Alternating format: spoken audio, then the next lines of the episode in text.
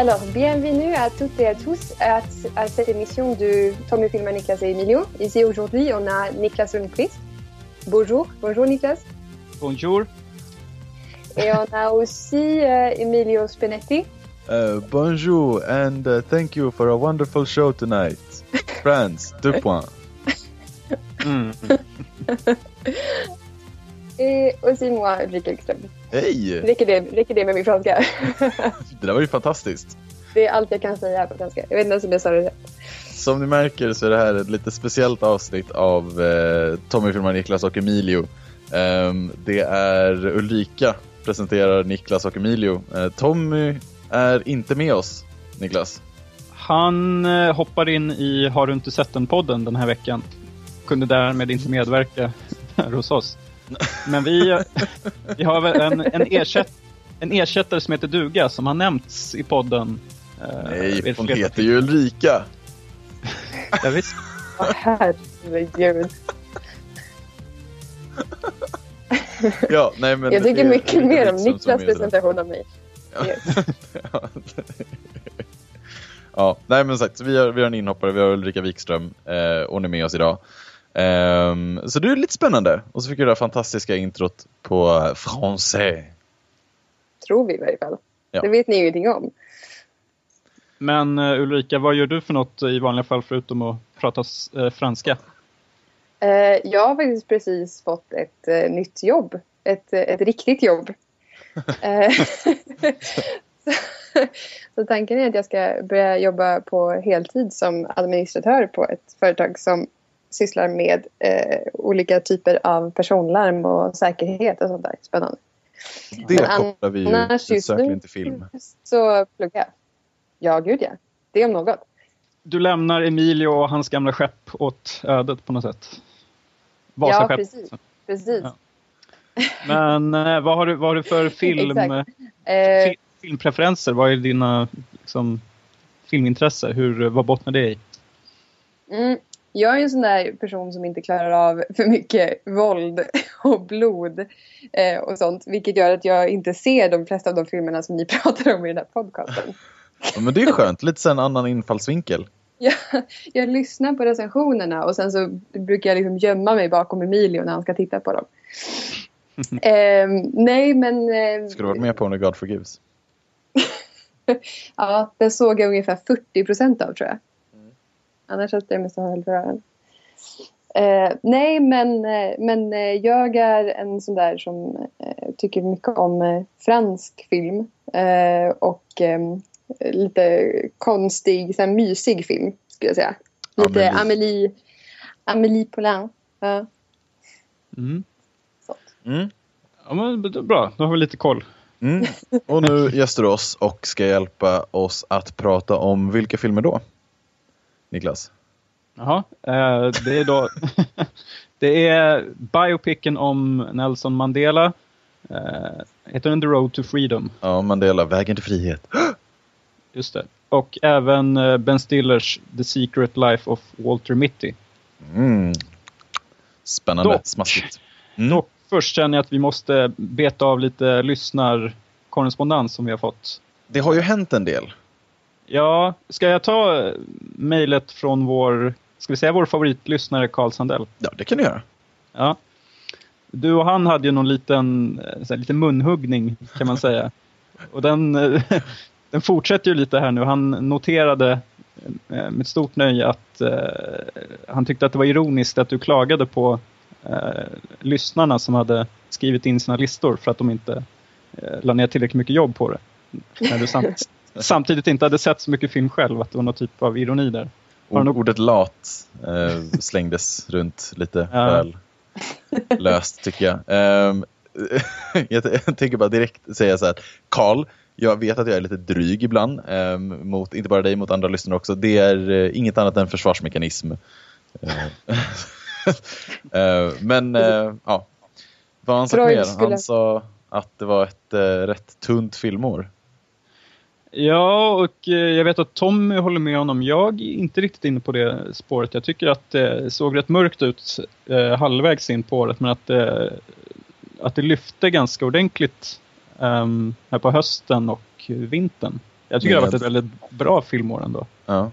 Ehm, jag tänker faktiskt eh, hålla med dig ehm, till, eh, till en viss del.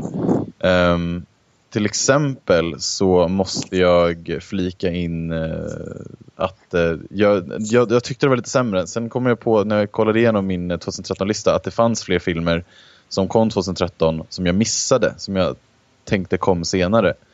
ehm, som hade gjort listan ännu starkare faktiskt. Så att, Mm. ja, jag tycker det var ett, ett helt okej filmår. Var det väl? Alltså jag tycker att det saknas ju de här eh, riktigt klockrena eh, filmerna typ Take Shelter och Drive. Fan. Så, Men det är, jag skulle säga att det är ganska jämnt där bakom. Att eh, jag hade rätt svårt att klämma in alla mina favoriter på en, tio i topplista. Så, mm, jag tror jag hade typ så fem bubblor eller någonting. Jag tycker det var ganska hög eh, lägstanivå ändå. Alltså, jag, håller, jag håller med om att, ehm, att det har kommit ganska många bra filmer men jag tycker inte att det var jättemånga som, som stod ut så mycket. Det var inte många som var jättedåliga, det var inte många som inte sa så mycket alls men, men det var också många som bara var liksom ganska behagliga på något vis. Mm. Som, som flöt förbi i, i periferin. Men, eh, men inte jätte, jättemånga som stod ut så där mycket som man skulle säga att åh shit det här var en riktigt bra film. Okej, Nej. så du tycker också det var lite, lite tomt kanske? Ja, ja men så här, lite, lite så här, inte så att man blir besviken men som att man går ut ur biosalongen och tänker ja, ja men det där går ju att se. alltså, Den går ner liksom. ja men lite så. Ja, Men vilken, vilken tyckte du var årets film då? Om du ska säga någon, något namn bara. jag. Monica Z, helt klart. Jag tycker inte att den fick tillräckligt mycket cred i eran, eran your eh, årsresumé. Nej, det var, det var beklagligt. Men så är det. Så, så kan det gå. Eh, vi har även haft lite aktivitet på vår Facebook-sida som folk för övrigt gärna får in och gilla så att vi kommer upp i 100 likes. Det är inte så Mm. mycket kvar Vi nu. är åtta ifrån nu, så det... Kom igen nu. Kom igen. Kom igen nu. Eh, det var eh, en annan favorit, Jimmy Björktorp, som var inne och kommenterade vårt Wolf of Wall Street-avsnitt. Ska man Emilio var- säga um, före detta favorit? Nej, men jag, jag, jag vet inte. Visst var det välskrivet ändå, men uh, Ulrika, du hade nog... ehm, Du har ju redan varit inne och skrivit på Facebook och svarat, Jimmy. Ja precis, jag har ju döpt den till Jimmygate i mitt huvud. Så Eh, mycket spännande händer det här att vi måste döpa saker. Ja, ja men precis. Eh, nej, men, nej, men jag tyckte också att det var välskrivet. Eh, och eh, jag tycker att det är fantastiskt att ni har så många lyssnare som, som är så intelligenta. Som liksom uttrycker, det, uttrycker kritik mot det, det ni säger. Däremot så höll jag inte med om, om det han sa, så att säga. Um, men jag vet inte riktigt, uh, jag vet inte riktigt vart jag, var jag ska börja eller vad jag ska ta upp. Uh, vad tycker ni? Ja, alltså grejen är, det, Jimmy skrev eh, till oss angående vårt Wolf of Wall Street avsnitt där vi klagar på användandet av eller det, det vi, ska, kanske, vi, vi, vi kanske säger det som överanvändandet av eh, sex och eh, eh, droger och sånt i dekadens i den här filmen. Eh, och vi menar på att vi tyckte inte det tillförde någonting. Medan Jimmy säger kanske att Eh, han visst tycker att det gör det och att han tyckte det var relativt nödvändigt och han inte håller med oss eh, när vi säger att vad ska man säga? Vi- Han, vi tyckte att det, det hade varit en kanske bättre film utan det och han menar på att det kanske skulle vara någon form av censur att ta bort det. Eller? Nu, jag minns inte riktigt nu kanske. Ah, så var det väl inte. Nej, det kanske inte var. jag, ska, jag ska bara sitta här tyst, inte säga någonting. Niklas, set the record Nej, straight. men eh, han, hans eh, huvudsakliga tes var väl att eh, han tycker att eh, man ska visa all, alla vidrigheter och sen låta publiken bilda sin egen uppfattning. Man och reflektera över det själv. Och att man inte ska censurera någonting. Till exempel ta bort, man ska inte ta bort de här eh, svaga kvinnokaraktärerna. Exempelvis. Och då hade Ulrika ett välfunnet svar på det. Du kan ju sammanfatta lite kort vad, vad, du, vad du tyckte. Ja, alltså det jag tänkte var ju främst att, att, ehm, att det är ju självklart att man har olika syn på vad man tycker är bra film. Eh, och att, att det är ju liksom viktigt att respektera andras, eller respektera att man, att man har det. Däremot så är det ju, däremot måste man diskutera samma saker, man måste diskutera rätt saker på ett sätt. Alltså att, att prata om att, att, att ett ifrågasättande av um, vad man visar på film, att likställa det med någon form av censur är lite farligt. För censur är ju en, en utomstående granskning av någonting eh, som säger vad man får och inte får visa. Och om det är någonting vi faktiskt har så är det ju väldigt lite censur. Annars hade man inte kunnat göra en sån här film. Däremot, på samma sätt som man, när man pratar om, om andra områden så eh, för ju frihet med sig en viss form av ansvar också. Um, och bara för att man kan visa allting så måste man också ställa sig frågande, frågande till om man ska visa allting. Uh, just i, just i, i um, The Wolf of Wall Street så kanske det är det kanske, det kanske är viktigt för, för historien att man visar nedlåtande kvinnoporträtt till exempel. Eh, att man väljer att visa kvinnor på ett väldigt, ja men som att den enda kvaliteten man har som kvinna är att vara snygg och sexig och som, som det också framställs i, i den här filmen. Eh, men även om det var så, även om det är det som man pekar på i den här filmen så är ju frågan varför man måste visa det på ett sånt extremt sätt. Mm. Eh, och frågan som jag ställer mig då till eh, när, när det handlar om just en sån här kritik är ju hade det blivit en sämre film för man inte hade gjort det? hade, det, hade en del av budskapet i det som Scorsese och Leonardo DiCaprio i viss del också försöker visa här, hade det försvunnit ifall man inte hade visat närbilder på nakna kvinnor eller vad det nu kan vara. Mm.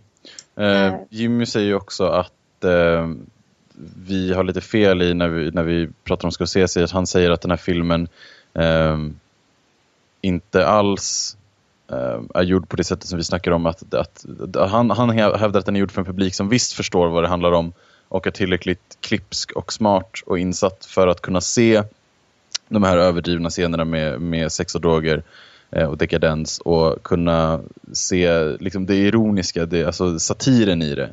Um, men det är inte riktigt det vi pratar om. Alltså det, det jag mest menar är, som Ulrika säger nu, är det värt det? Och alltså, jag förstår ju också att det ska vara satir, men jag tycker att det blir en glorifiering när det görs på det här sättet. Och jag hade inte tyckt... Um, alltså han, han, som jag fattar det så säger han också att man, att man måste se, se det för att förstå det. Alltså på ett sätt. Att liksom, du måste se hur dekadent det är för att kunna förstå hur hemskt det faktiskt var. Medan jag, jag menar att det gör man inte alls. Alltså man hade ju kunnat tagit bort liksom två tredjedelar av allt alla sex, allt sex och droger i den här filmen och ändå förstått precis hur det var. Eller? Jo, men visst. Och det här glorifiering, alltså det är ju det är alltid på något sätt i betraktarens öga eh, som det gäller. Men jag, jag tror att vi i, i, den här podden i alla fall ganska överens om att det är någon typ av glorifiering eh, av droger och så vidare. Eh, och eh, Det blir lite ja, grabbigt. Lite. Ja, nej, nej, men alltså, nej, men alltså, jag menar alltså, även bakom kameran. Alltså, det känns som att liksom, det börjar som att man visar det, det sa vi i avsnittet också, det, det, känns som att man börjar med, liksom, alltså, med, med synvinkeln att säga, okay, nu, ska vi göra, nu ska vi göra det over the top så att det blir liksom ironiskt och liksom man, man, kan, att man skrattar åt dekadensen. Men att man någonstans liksom halvvägs, att det blir liksom så här, fast det är ju lite coolt ändå. Och det blir liksom det jävligt grabbigt att så här, hur mycket droger kan vi få in egentligen? Det här är ju astufft. Känns, mm. känns det som. Det är den känslan jag får i alla fall. Och som sagt, liksom, jag, ty jag, tycker inte att man behöver se så mycket för att faktiskt fatta hur illa det var. Um, jag satt och kollade idag på en dokumentär om um, diamanthandeln och uh, Sierra Leone och hur, hur det landet har slitit samman uh, av inbördeskrig uh, över just de här diamanterna. Och då är det en, en berättarröst som pratar om hur, hur illa det var. Det här krig i landet började som en strid mellan rebeller och en eh, korrupt regering eh, som sen urartar i ett krig över diamanter för att den som har diamanter kan köpa vapen. Och medan han pratar om det här eh, så är det bilder från, eh, alltså det är bilder på soldater som går runt i skogen typ. Eh, och sen nämner han att det blev väldigt mycket så här stympningar och eh, folk skadades väldigt, väldigt brutalt. Eh, och när han säger det så är det en bild, eller det, det är ett klipp på en man som springer över en gata och tittar mot kameran i princip. Eh, iklädd civila kläder. Bakom honom är det en man i kamouflage med en AK47 eh, som den här mannen inte ser. Han vänder sig om, ser honom och börjar höja händerna samtidigt som mannen i kamouflage börjar höja sin AK47. Där fryser bilden. Det visas ingenting mer än så, men du vet ju precis vad som hände de närmsta sekunderna efter att kameran stängdes av. Den här mannen stod en meter ifrån sin mördare. Eh, och jag behöver inte se de stympade lemmarna, jag behöver inte se barnen som har klivit på miner för att förstå att de fanns där. Eh, det är liksom, det, det känns lite billigt när man gör det så Ehm, så grafiskt som det faktiskt var. Nu kanske man inte kan säga grafiskt på svenska, men så liksom så tydligt som man gör i Wolf of Wall Street. Det känns som att man, som vi pratade om det också, att man, att man talar ner till sin publik. Att det känns som att ni måste se det här för att förstå. Nej, vi är tillräckligt bildade. Vi vet tillräckligt mycket om världen um, och hur saker funkar för att du skulle kunna dra ner på det till en så otroligt liten nivå jämfört med vad det faktiskt är och det skulle fortfarande funka och, och du skulle fortfarande gå ifrån biografen med samma känsla av, liksom, av äckel. Man skulle kunna se det som eh, ganska mycket effektsökeri, att det är så pass mycket såna här spektakulära sexscener då till exempel och Eh, så har ju den här filmen också rekordet eh, för mest fackord i en samma film. Som också är väl någon typ av eh, selling point då för de här eh, antar då unga människorna som ska gå och imponeras av det här på bio. Ja, precis. Vad fan, det var väl eh, typ South Park har ju typ haft det rekordet. Ja, och nu har Martin Scorsese. ja, men precis. Det känns, alltså det är två helt olika i en ja. enda film också. Det, South Park har haft det i vadå? Ett avsnitt eller i liksom serie? Nej, men i, eller? i filmen. Ja, okej. Okay. Eh, vet du, en longer någonting uncut. Ja. ja. Uh, men ja, om, är, det, är det verkligen liksom en titel som Scorsese vill ha tagit från South Park? Det kan man fråga sig. Vi kan, vi, vi kan knyta ihop det med att uh, Jimmy tycker att det en, trots allt är intressant, absurd missbruksskildringar. Ja, Okej, okay, jag, kan, jag kan köpa att man tycker det till, på, på ett visst sätt. Nej, och, eh. men sen också så här, som, man, som man också nämner att, att um, istället, han, han menar ju på att man ska visa allting istället för att censurera och, och uh, skapa någon form av uh, vad heter det, en, en blindhet hos publiken. Och då är ju frågan om det ens går att, att ha en, en blindhet hos publiken i ett samhälle där man är så extremt uppkopplad och så extremt medveten om allting som sker runt omkring en. Sådana här saker bör inte chockera längre. Nej, men precis. Liksom när, när jag ser eh, Leonardo DiCaprio blåsa in kokain i en, en prostituerad röv. Det är liksom så här. Jag antar att det händer någonstans i världen just nu. Det är ingenting som så här jag blir chockad av om någon skulle förklara för mig att visste du att just nu i Portugal är det någon som sitter och blåser kokain i någons röv? Jag skulle bara, okej, okay, ja. Ja, och ifall man då har kommit förbi det stadiet när man inte behöver liksom upplysa en publik om vad som sker bakom stängda dörrar på högst, i penthouset någonstans på vad var det, Long Island eller vad han nu var. Mm. Den här, Eh, då försvinner ju det argumentet och då måste man ju ännu en gång ställa sig frågan vad, vilket ansvar man har som, som filmskapare också. Eh, och vad man väljer att visa och ifall det ens är vettigt att visa. Sen eh, fick jag med en liten känga också angående E.T. Eh, e när jag säger att det var snyggt av eh, Spielberg att gå tillbaka och klippa ur eh, alla vapen som finns i den filmen. Eh, han, eh, Jimmy nämner också att det är lite fel, eller att det inte alls kanske är så himla nyttigt. Han menar på att det, eh, att det är sånt, att hålla eh, grejer ifrån folk, typ som vapen från barn eller alkohol från barn eller så, eh, kanske är dåligt i längden för att det skulle öka liksom, spänningen i det här. Eh, jag tänker genast på systemet, reklam, reklamerna med jag har fått sprit hemma så det här är inte lika spännande för mig. Men som skulle motbevisa hans poäng då, är det tänkt. Men det jag menar är att jag tycker det, det, det har ingenting med censur att göra. Det är ju att Spielberg tyck, hans åsikt är att det ska inte vara vapen i barnfilmer i sådana fall.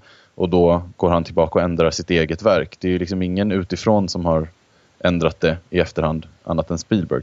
Um, och jag måste ju hävda att jag eh, för att det ska funka så att, att det blir ett större sug efter vapen eh, efter att, efter att de har blivit ifråntagna eh, dem så krävs det också att man är upplyst om att man har blivit fråntagen någonting. Annars blir det inget sug av att det har försvunnit. Då måste jag eh, om jag, om jag skulle visa den här filmen för mina barn till exempel, då skulle jag behöva gå in och säga du vet att de här walkie-talkiesarna var vapen förut, men det tog jag bort för det får inte du se. Där blir det ju ett sug i sådana fall. För att om jag inte mm. nämner det här någonstans och barnet ser det här med första, för första gången eh, och bara ser walkie-talkien så kommer inte de reflektera över att det där borde ju varit vapen. Varför har de tagit bort det? Nu ska jag gå och hitta en pistol för det verkar spännande. Um, då måste du veta att det fanns vapen som har blivit borttagna från början och då är du också antagligen 25 vid det här laget. Mm. Jo, ja. jo, men det förstår jag. Um, jag förstår vad du menar. Um, Carl Sandell hade ju no också någon åsikt där att han tyckte det var lite Eh, konstigt att du tycker att vapnen ska bort från barnfilmen E.T. men att samtidigt att Smaugs ödemark som väl också är mycket mån är en barnfilm, eh, att det innehåller så mycket våld i en sån film som du hyllar. Vad säger du om det? Uh, fan, det tog du mig på sängen. Um, alltså jag skulle i sådana fall hävda, om jag får dra någonting ur röven, att uh, uh, det, alltså det spelar ingen roll som så, hjälp. Um, men ska vi säga att, det, ska vi säga att det, det är skillnad på fantasy och science fiction. Jo, men det kan man säga på ett sätt. Men, men jag tycker också att det är så här, alltså, jag, jag menar inte att det um, att man måste ta bort alla vapen ur alla barnfilmer. Jag kan tycka att det är ett snyggt move, men det, det jag främst är imponerad av är att han tar den positionen. Att han tycker att så här, jag tycker jag gjorde fel i det här fallet. Nu tänker jag rätta det. Mm. Det är väl snarare det än att vi måste förbjuda alla vapen i alla barnfilmer. Det, det är väl mer att så här, jag, jag, tycker att vapen inte ska vara i barnfilmer. Jag har gjort en barnfilm med vapen i, nu tar jag bort dem. Det var en snygg markering från Spielbergs ja, sida. Precis. Ja. Eh, men jag måste också säga det här, eh, för nu har vi suttit och, och sagt emot eh, Jimmy här Eh, i hela avsnittet fram tills nu. Vi, vi, uppskattar verkligen att du skriver in Jimmy. Det är precis sånt här vi vill ha. Vi vill ha fler eh, lyssnare som faktiskt skriver precis vad ni tycker och tänker om vår podd, om våra åsikter, om våra recensioner. Eh, vi är medvetna om att vi inte har rätt i allt vi säger utan allting är åsikter. Um, och då vill vi självklart ha era också. Det här blir ju en intressant debatt. Det är ju sånt här man ska prata om. Eh, och det är jävligt kul när det blir som det blev nu att det skedde på Facebook också, på våran sida. Så att det inte bara är vi som läser upp delar ur mail ehm, alltid. Där vi självklart väljer ut det vi tycker är intressant och det vi har svar på. Ehm, det är jätteintressant när det blir så här öppet så att alla lyssnare kan gå in och tycka till. Och det blir någon form av så forumdebatt i eh, Jimmy skriver det här och Carl Sandell svarar på det och Ulrika svarar på det och, och eh, vi, vi, får någon form av intressant konversation. Det är jättespännande. Så tack så otroligt mycket ni som faktiskt skriver in och hör av er till oss. Vi uppskattar det otroligt mycket. Verkligen. Jag har en fråga till er två. Har ni varit på Sundance-festivalen någon gång?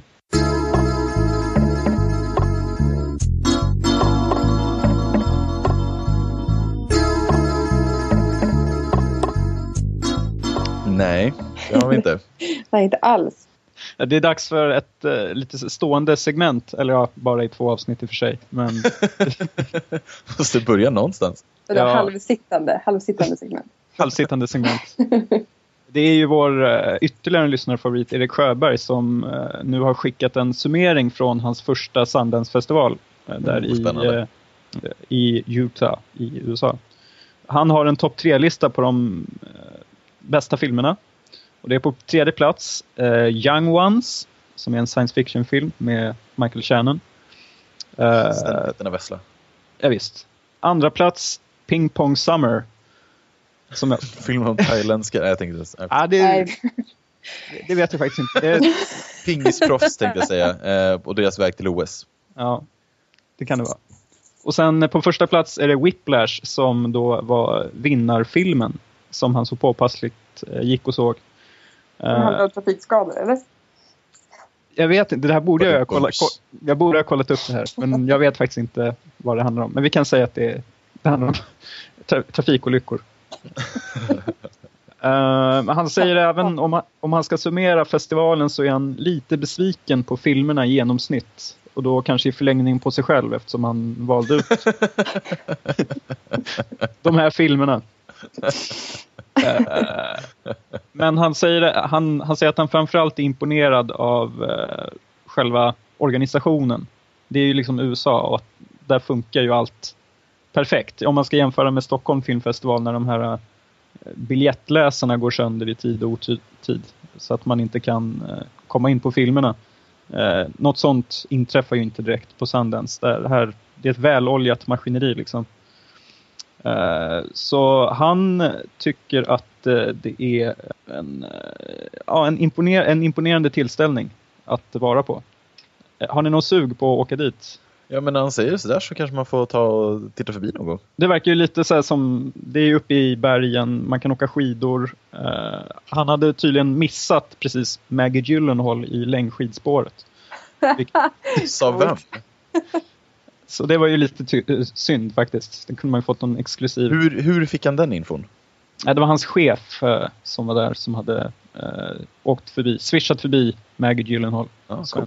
svenskättlingen. Vi får tacka Erik Sjöberg jättemycket för de här uppdateringarna. Det har varit otroligt kul att följa. Så får vi Tack. se om vi hörs igen nästa år. kan, kan, han få någon, någon tackvinjett? ja, det, det ska ordna.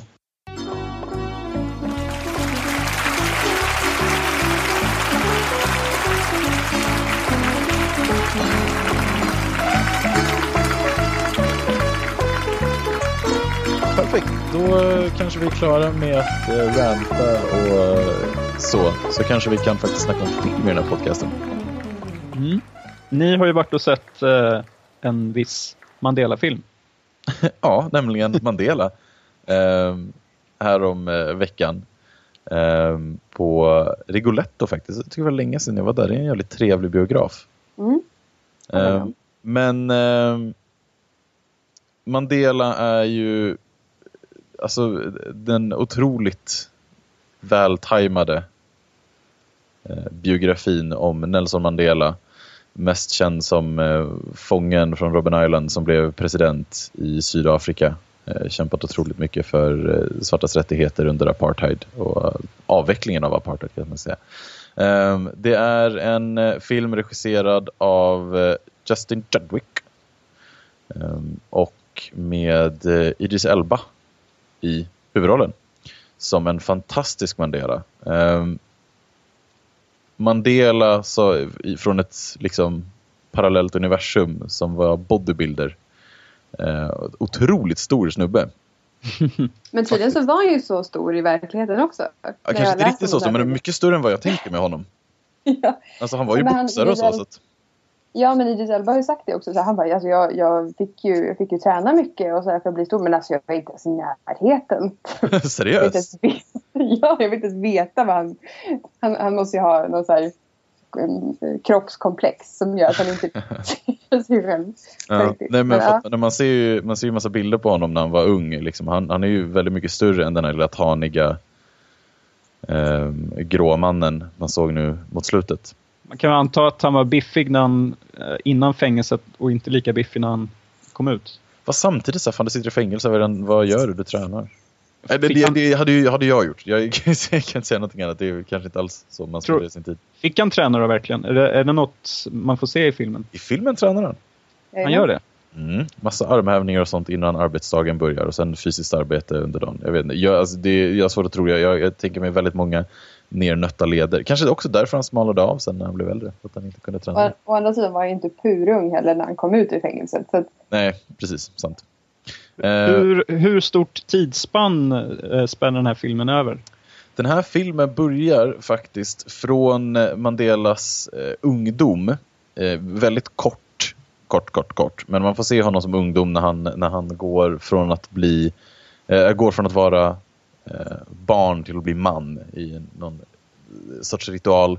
Eh, och sen klipper man direkt till eh, han som ung vuxen i, eh, i Sydafrika, jobbar som advokat. Eh, och så får man följa honom från eh, att eh, jobba utanför motståndsrörelsen till att gå med i motståndsrörelsen, bli någon form av ledare för motståndsrörelsen. Eh, och, Som då heter ANC. Kan vi precis, säga. ANC kan vi flika in. Eh, ända fram tills eh, han blir president. Mm. Så att den följer ju liksom en, den större delen av hans, hans liv eh, och eh, gör det på ett fantastiskt sätt måste jag säga. Och här har vi ännu en gång, eh, det här det är ju nästan perfekta exemplet på det här med att inte behöva visa för mycket. Eh, otroligt hemska grejer hände i Sydafrika under apartheid. Eh, otroligt hemska grejer hände efter eh, apartheidens avveckling. Eh, det är till exempel eh, en scen när, eh, utan att säga för mycket, eh, någon är tillfångatagen. Eh, det, det, är- det är inte Nelson, men, eh, men eh, någon är tillfångatagen och eh, hemska saker händer under de här förhören. Eh, tortyr bland annat. Och vi får inte se särskilt mycket. Däremot så får vi definitivt en känsla för att mycket värre saker hände eh, efter att kameran byter till någonting annat. Eh, och som sagt, jag tycker det är väldigt, väldigt, de gör det väldigt, väldigt snyggt i den här filmen med att ge oss idén om vad det faktiskt, vad som faktiskt sker utan att behöva visa för mycket grova saker. Eh, också säga att det vi nämnde i, det måste ju varit förra avsnittet, det här med kärlekssexet är Mm. halvt tillbaka lite. Jaha. Ehm, ja, men du vet det här att typ två blir kära och eh, går till sängs. Ja, Eh, det är lite det- tillbaka här. Det gör en liten så här, snabb comeback. Faktiskt. Är Wi- Winnie Mandela inblandad? Möjligtvis. Mycket kvinnor i hans liv. Jaha, det, Mm. Många, många kvinnor. Riktig womanizer. Ja, verkligen. Mm. Eh, men eh, hur, vet man hur pass eh, trogen förlagan, om man säger, är filmen? Vet, vet, har ni någon koll på det? Hur mycket den ändrar den någonting? Kortar ner vissa grejer? Liksom? Jag måste säga att jag faktiskt vet alldeles för lite om det här för att kunna säga om den är, eller för att kunna uttala mig om hur, hur liksom faktisk den, den är. Ehm, jag kan däremot säga att de bilderna vi får se, eh, originalbilderna, foton, eh, som rullar under eftertexterna, ja det var ju typ med i filmen så att det är så långt min expertis sträcker sig. Uh, Ulrika, har du läst på någonting? Eh, inte, inte jätte, jättemycket, det kan jag inte säga. Men, eh, men det jag, det jag visste innan så, så tycker jag att det stämmer ganska väl. Ehm, och eh, och det, som, det som har varit speciellt med, med hela liksom Mandelas väg till makten och med den konflikten är ju också att den faktiskt var väldigt, väldigt fredlig till att börja med. Alltså hans arbete var väldigt fredligt och det tycker jag att de visar väldigt, väldigt bra i filmen. Eh, och det gör ju att den är att den är, att den verkar åtminstone väldigt verklighetstrogen. Men jag kan inte säga om den följer historien till punkt och pricka, det kan jag tyvärr inte. Nej, alltså jag, jag får ju förtroende för filmen. Mm. Men det betyder ju verkligen ingenting. Nej, man måste ha någon typ av kritisk eh, lins där för att Ja, ta reda på resten själv. Är det, är det liksom, känns den väldigt pro Mandela eller finns det någon typ av kritik mot hans persona? alltså det, det finns ju viss kritik, det gör det ju verkligen. Eh, men, men han är ju fantastisk i den här filmen. Eh, och det, den, är, den är otroligt gripande och den gör ett väldigt bra jobb i att, att hylla den här mannen. Eh, sen eh, är det lite så små vad säger, jag, chinks in the armor som man eh, får lite här och där. Eh, att han också är mänsklig liksom. Men eh, han, framstår ju, han framställs ju som fantastisk jämfört med alla andra människor runt omkring honom. Som inte alls har samma tålamod och viljestyrka och, och så. Mm. Eh, Det, det måste man ju säga, den är väldigt pro.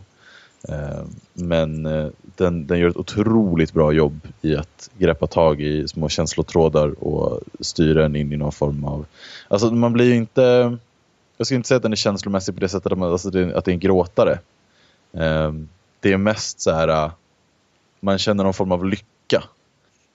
Det känns bra. Det Mm. känns bra när man ser den här filmen. Det är så här, fan vad skönt, vilken kamp. Det här gjorde ni bra. Mm.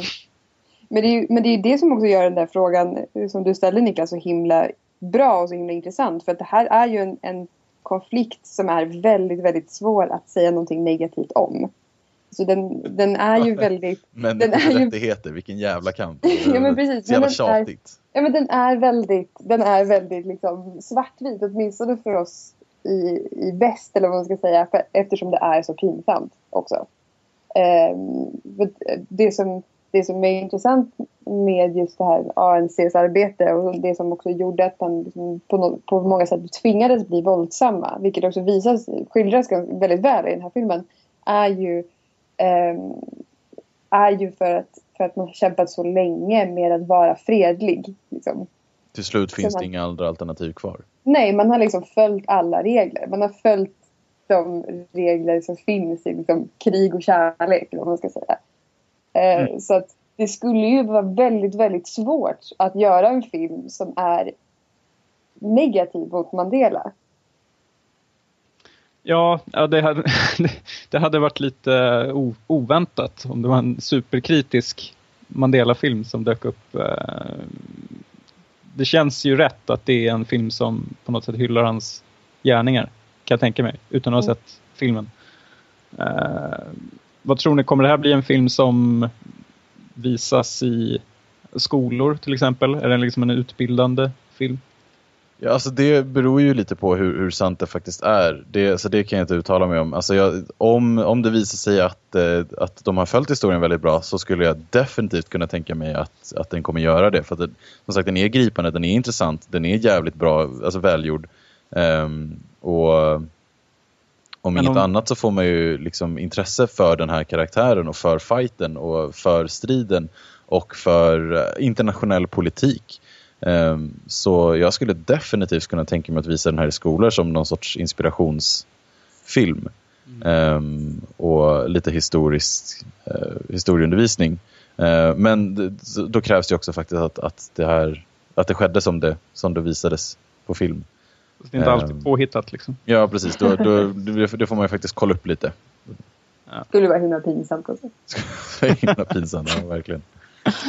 En annan sak som jag tyckte var väldigt bra dock, som jag tyckte väldigt mycket om, det var att, ehm, att man skildrar Winnie Mandela på ett väldigt, väldigt mångfacetterat och häftigt sätt.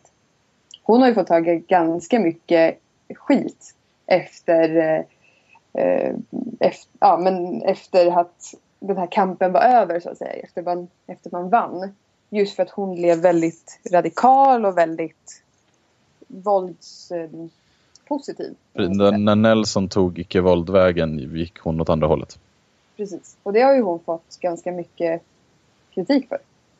Som så. Mm. Eh, Och nu så börjar man också diskutera varför man skulle kunna tänka sig att hon avskyr de här vita människorna så mycket som hon, som hon gör i den här filmen. Och plötsligt så, så eh, får man ju en mycket bättre bild av vad, vad hon också gick igenom.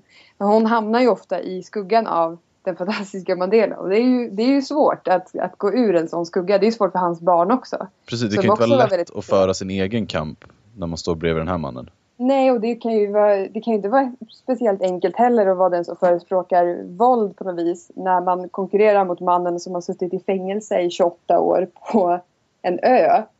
Eh, och verkligen liksom lidit på det sättet. På ett sätt som är väldigt enkelt att förstå också. Att varit frihetsberövad på det sättet under så många år. För en kamp som är helt rimlig. Liksom. Mm. Eh, Och, då kommer att vara, och, och han är ändå den som är liksom the bigger person och tar liksom the high road och går eh, emot det här och säger att, att eh, vi kan inte hata och göra samma sak som de har gjort mot oss. Vi måste vara de som föregår med gott exempel. Eh, att vara den då som går emot det och säger nej, jag vill fan ha jag vill ha tillbaka. Jag vill ha eh, min hämnd på de här människorna som har förstört mitt liv på så många sätt. Det måste ju varit otroligt svårt. Och det tycker jag att hon får upprättelse för i den här filmen. Mm, verkligen. Nämnde ni hur, hur skådisarna klarar sig, Naomi Harris och Idris Elba? Idris Elba är fantastisk. Ja! Jag, jag vet inte så tillräckligt mycket om, jag, alltså jag har inte sett eh, vet du, det, Winnie på, på band eller på film liksom. Eh, som man har sett Nelson. Eh, men eh, Idris är, är fantastisk, verkligen. Mm. Värd sin Oscarsnominering. Alltså. Helt klart. Ja, det tycker jag. Eh, en sista fråga. Uh, U2 har skrivit en låt Mm, det har de. till den här filmen. Hur är den? Ehm, den uh, kommer jag inte ihåg, den var väldigt U2-ig. Ja, I- alltså- precis det jag tänkte säga. det var liksom, ja det var YouTube och det, och det är ju alltid bra liksom. Men eh, så att det var ju inget, inget speciellt som så. Nej. Eh, och det är ju klart eh, Ganska gjorde den. Väntat att det var dem. Ja, precis. Det, var ju, det kunde inte varit någon annan riktigt. Här ska vi göra en låt om, alltså det, det kommer ju bli liksom nästa Live 8 Ja. eh, i grejen så då kommer ju den bli deras stora Stora hit. Ja, men så här, det, det är klart att de, de, eh, de avslutar sitt set med den. ja. Och så står Bob Geldof där som någon så här backup-grej, bara att han ska få lite sentid också.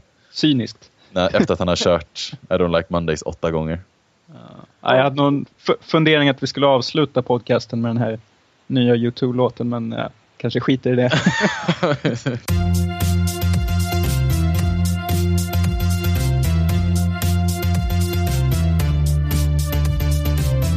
Du har också sett film?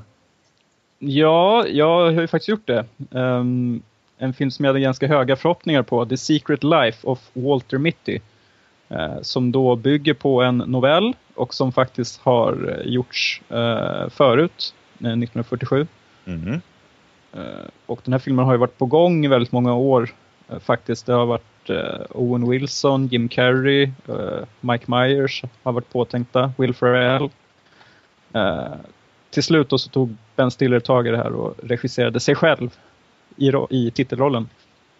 Eh, handlar om en eh, kille då, Walter, som jobbar på Life Magazine. Eh, den här eh, tidningen Ikoniska Som- tidningen. Ja, precis. Den gavs ut i, av Time Magazine, tror jag väl. Ehm, eller i samarbete med dem i alla fall. De, det var mycket fokus på fotografier, fotojournalistik. Journalistik, ja. Så kraftfulla bilder. Ehm, och då en dag så kommer det in ett gäng snubbar med skägg. Lite oklart varför.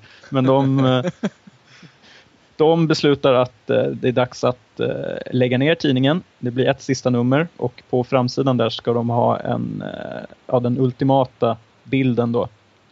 Som en, en fotograf som spelas av Sean Penn tydligen har tagit. Men Ben Stillers karaktär slarvar bort den här bilden.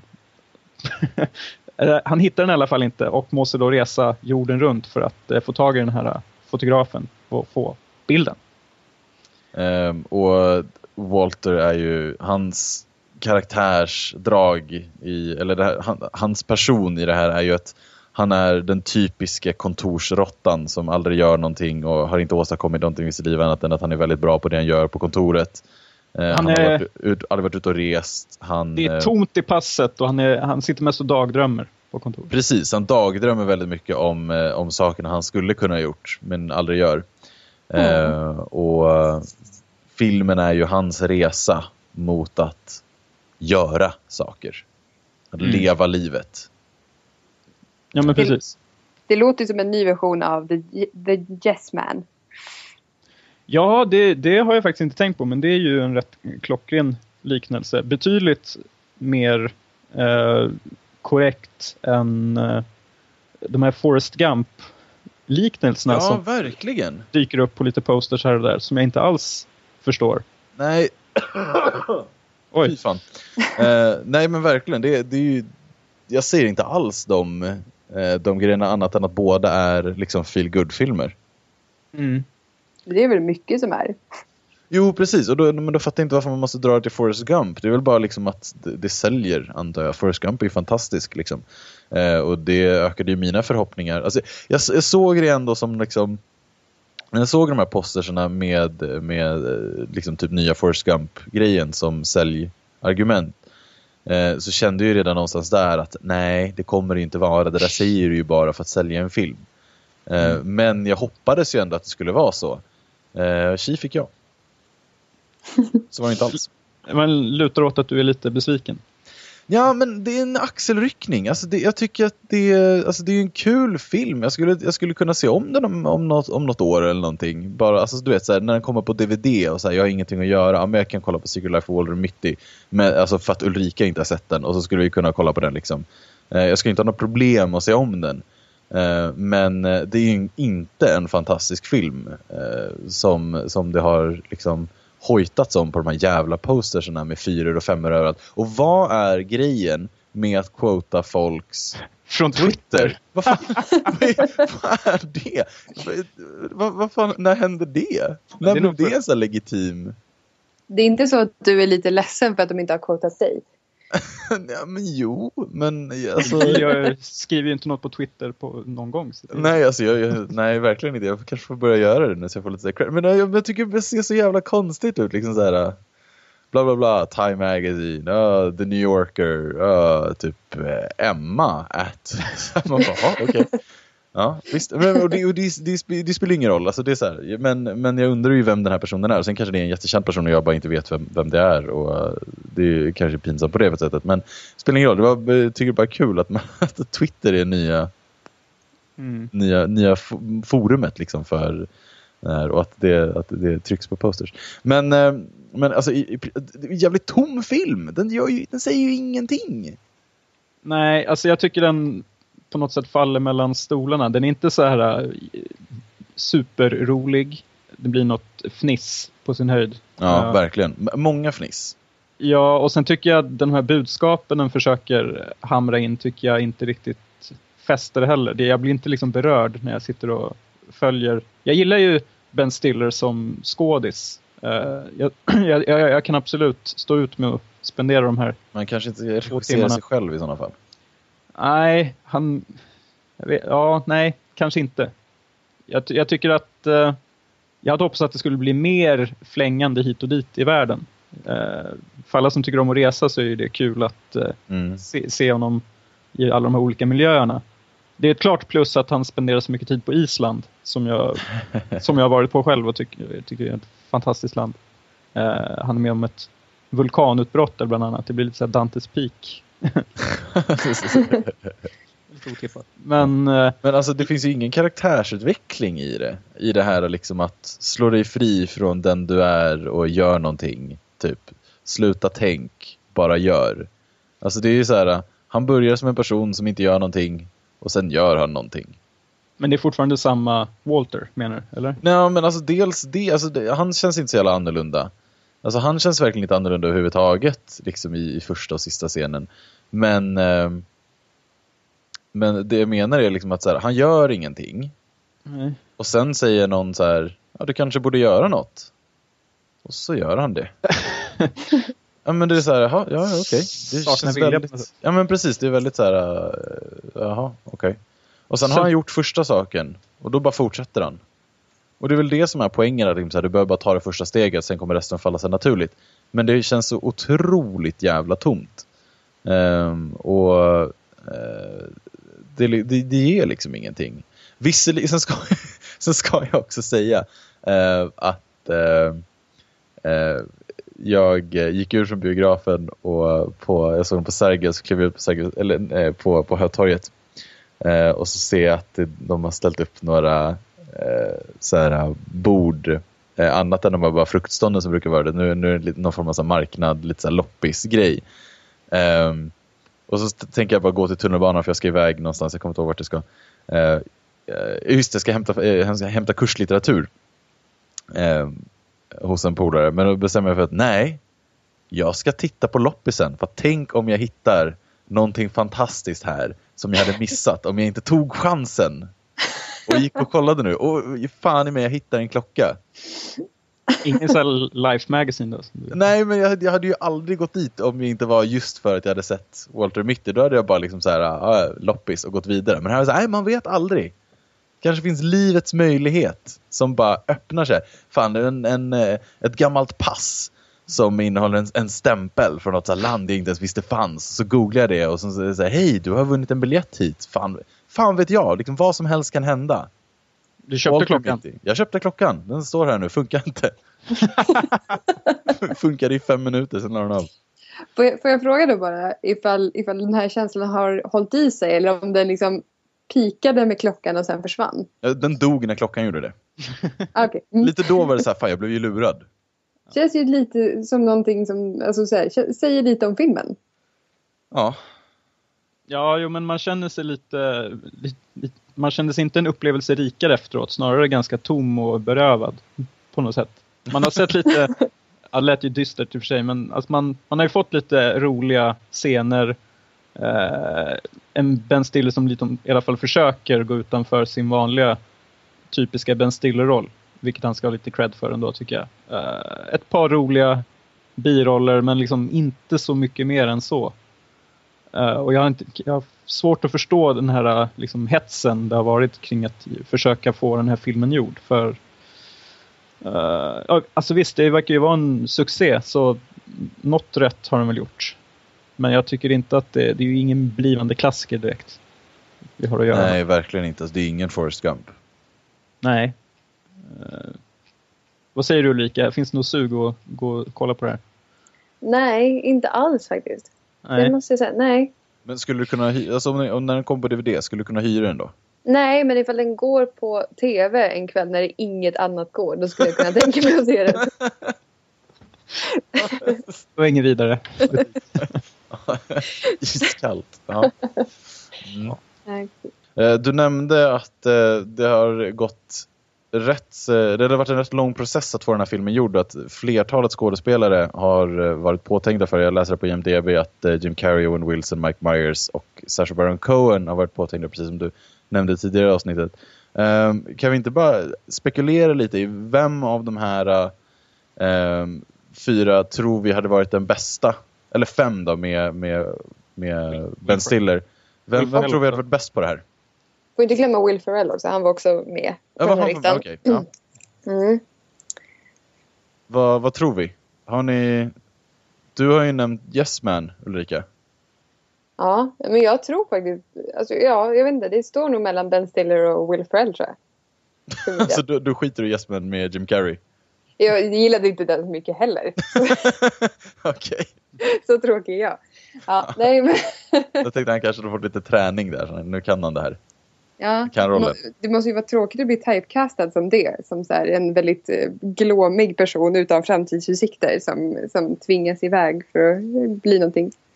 Ja, jag, jag kommer dock alltid se Jim Carrey som eh, eh, The Mask.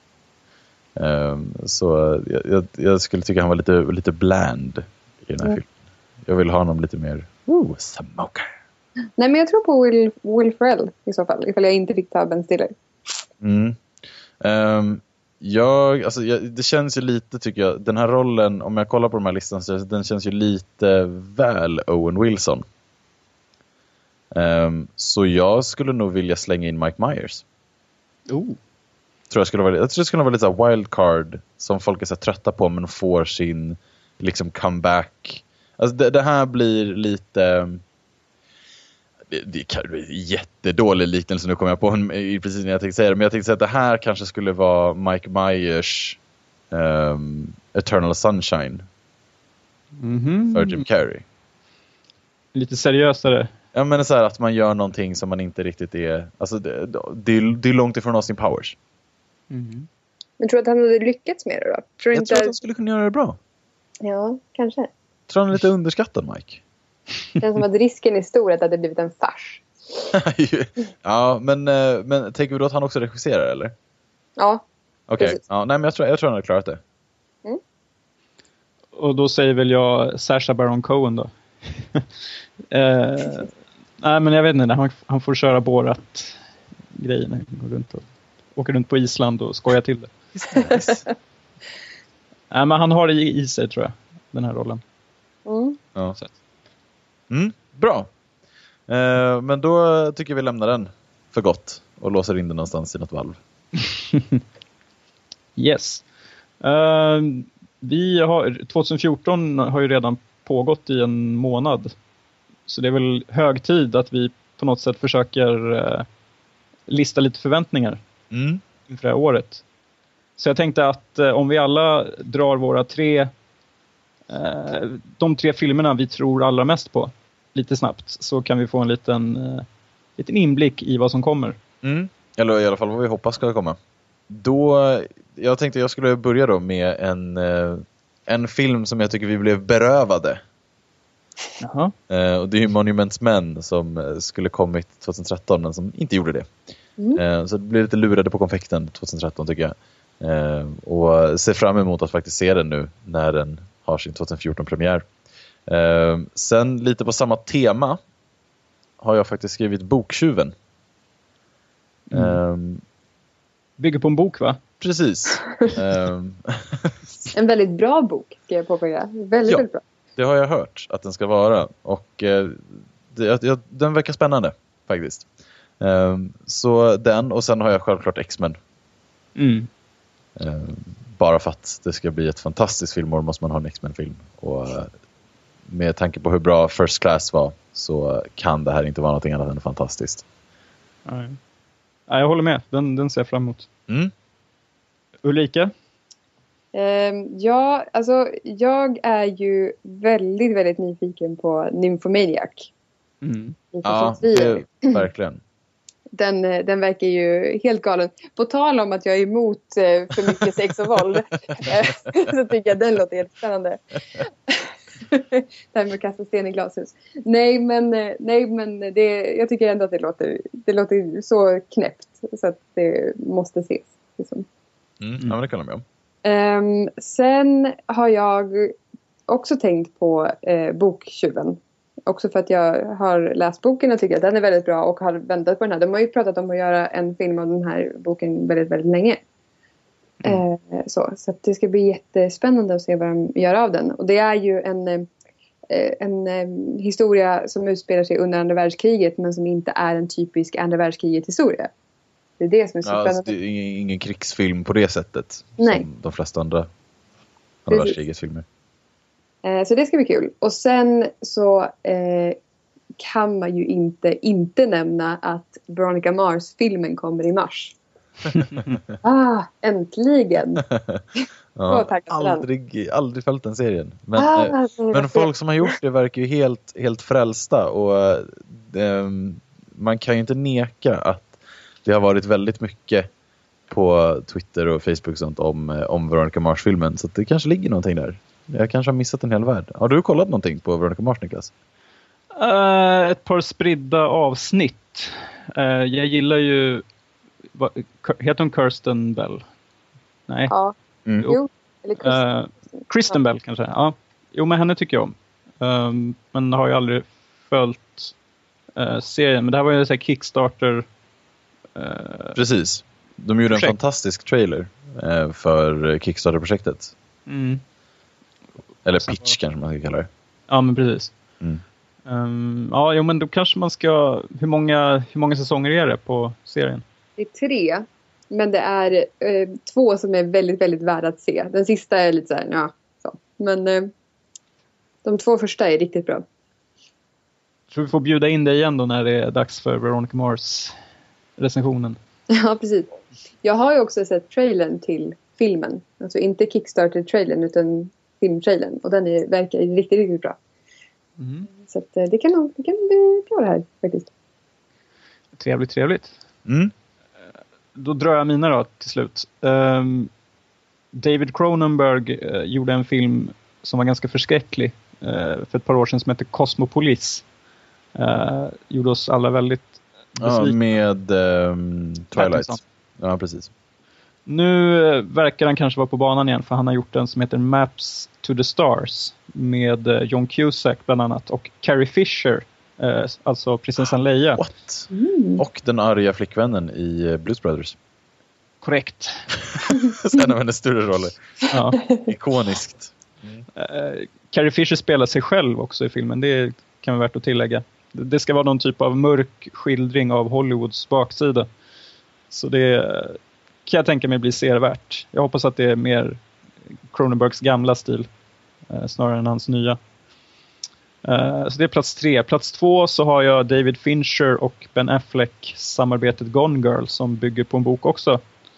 Eh, eh en bestseller som kom 2012. Som eh, ett mordmysterium. Och jag tänker mig att eh, något i stil med Seven, Zodiac, hans eh, Finchers Finchers gamla höjda filmer då. Tungt.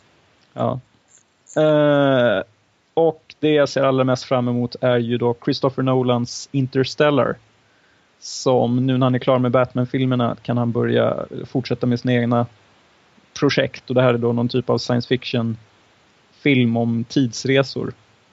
Uh, som, ja, jag hoppas väl på en ny Inception kan man säga. Kan bara inte bli dåligt. Nej, det, jag, jag känner att det är så här, jag kommer bli trött av den, men jag kommer älska det. Mm. ja, men jag kommer bli riktigt jävla trött. Ja, varför tror du det? Ja, men bara, det, det, det kommer bli mycket att hålla reda på. Ja, han gillar ju att, att köra, liksom bolla många karaktärer. Det är en stor ensemble i den här filmen ska vi säga också. Mm. Många bra skådespelare. Matthew McConaughey, Matt Damon, Jessica Chastain och så vidare. Men jag ser ju fram emot att bli sådär trött som man blir. Ja, det är mycket att ta in men man är väl ändå Det brukar ju vara värt det liksom. mätt och belåten efteråt på något Ja. sätt. Ja, det var en bra lista faktiskt. Jag tycker nu är många bra filmer som nämns nu. Mm, det vi mycket att se fram emot. Mm. Så kan vi hoppas på lite starkare 2014. Även om sagt 2013 var lite, lite underskattat. Ja, det tycker jag. Eh, men eh, man kan ju alltid hoppas på att det blir bättre. Ja, Visst. Mm. eh, bra. Då kanske vi ska tacka för oss. För Ja. den här veckan. Ja, jag får tacka för mig, att jag fick hoppa in. Ja, Tack kul för att ha att du dig kom. här. Var fantastiskt. Mm. Eh, lite spännande. Ja. Eh, Jag har testat in en tjej. Det tog 88, 89 avsnitt. jag känner mig ärad, måste jag säga. Ja, måste testa lite nya grepp ibland. Ja, precis. Nu när vi har snackat så jävla mycket om...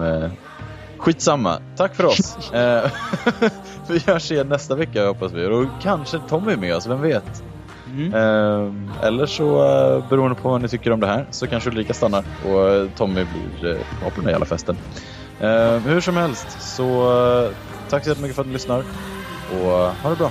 Hej. Hej, hej då. Hej.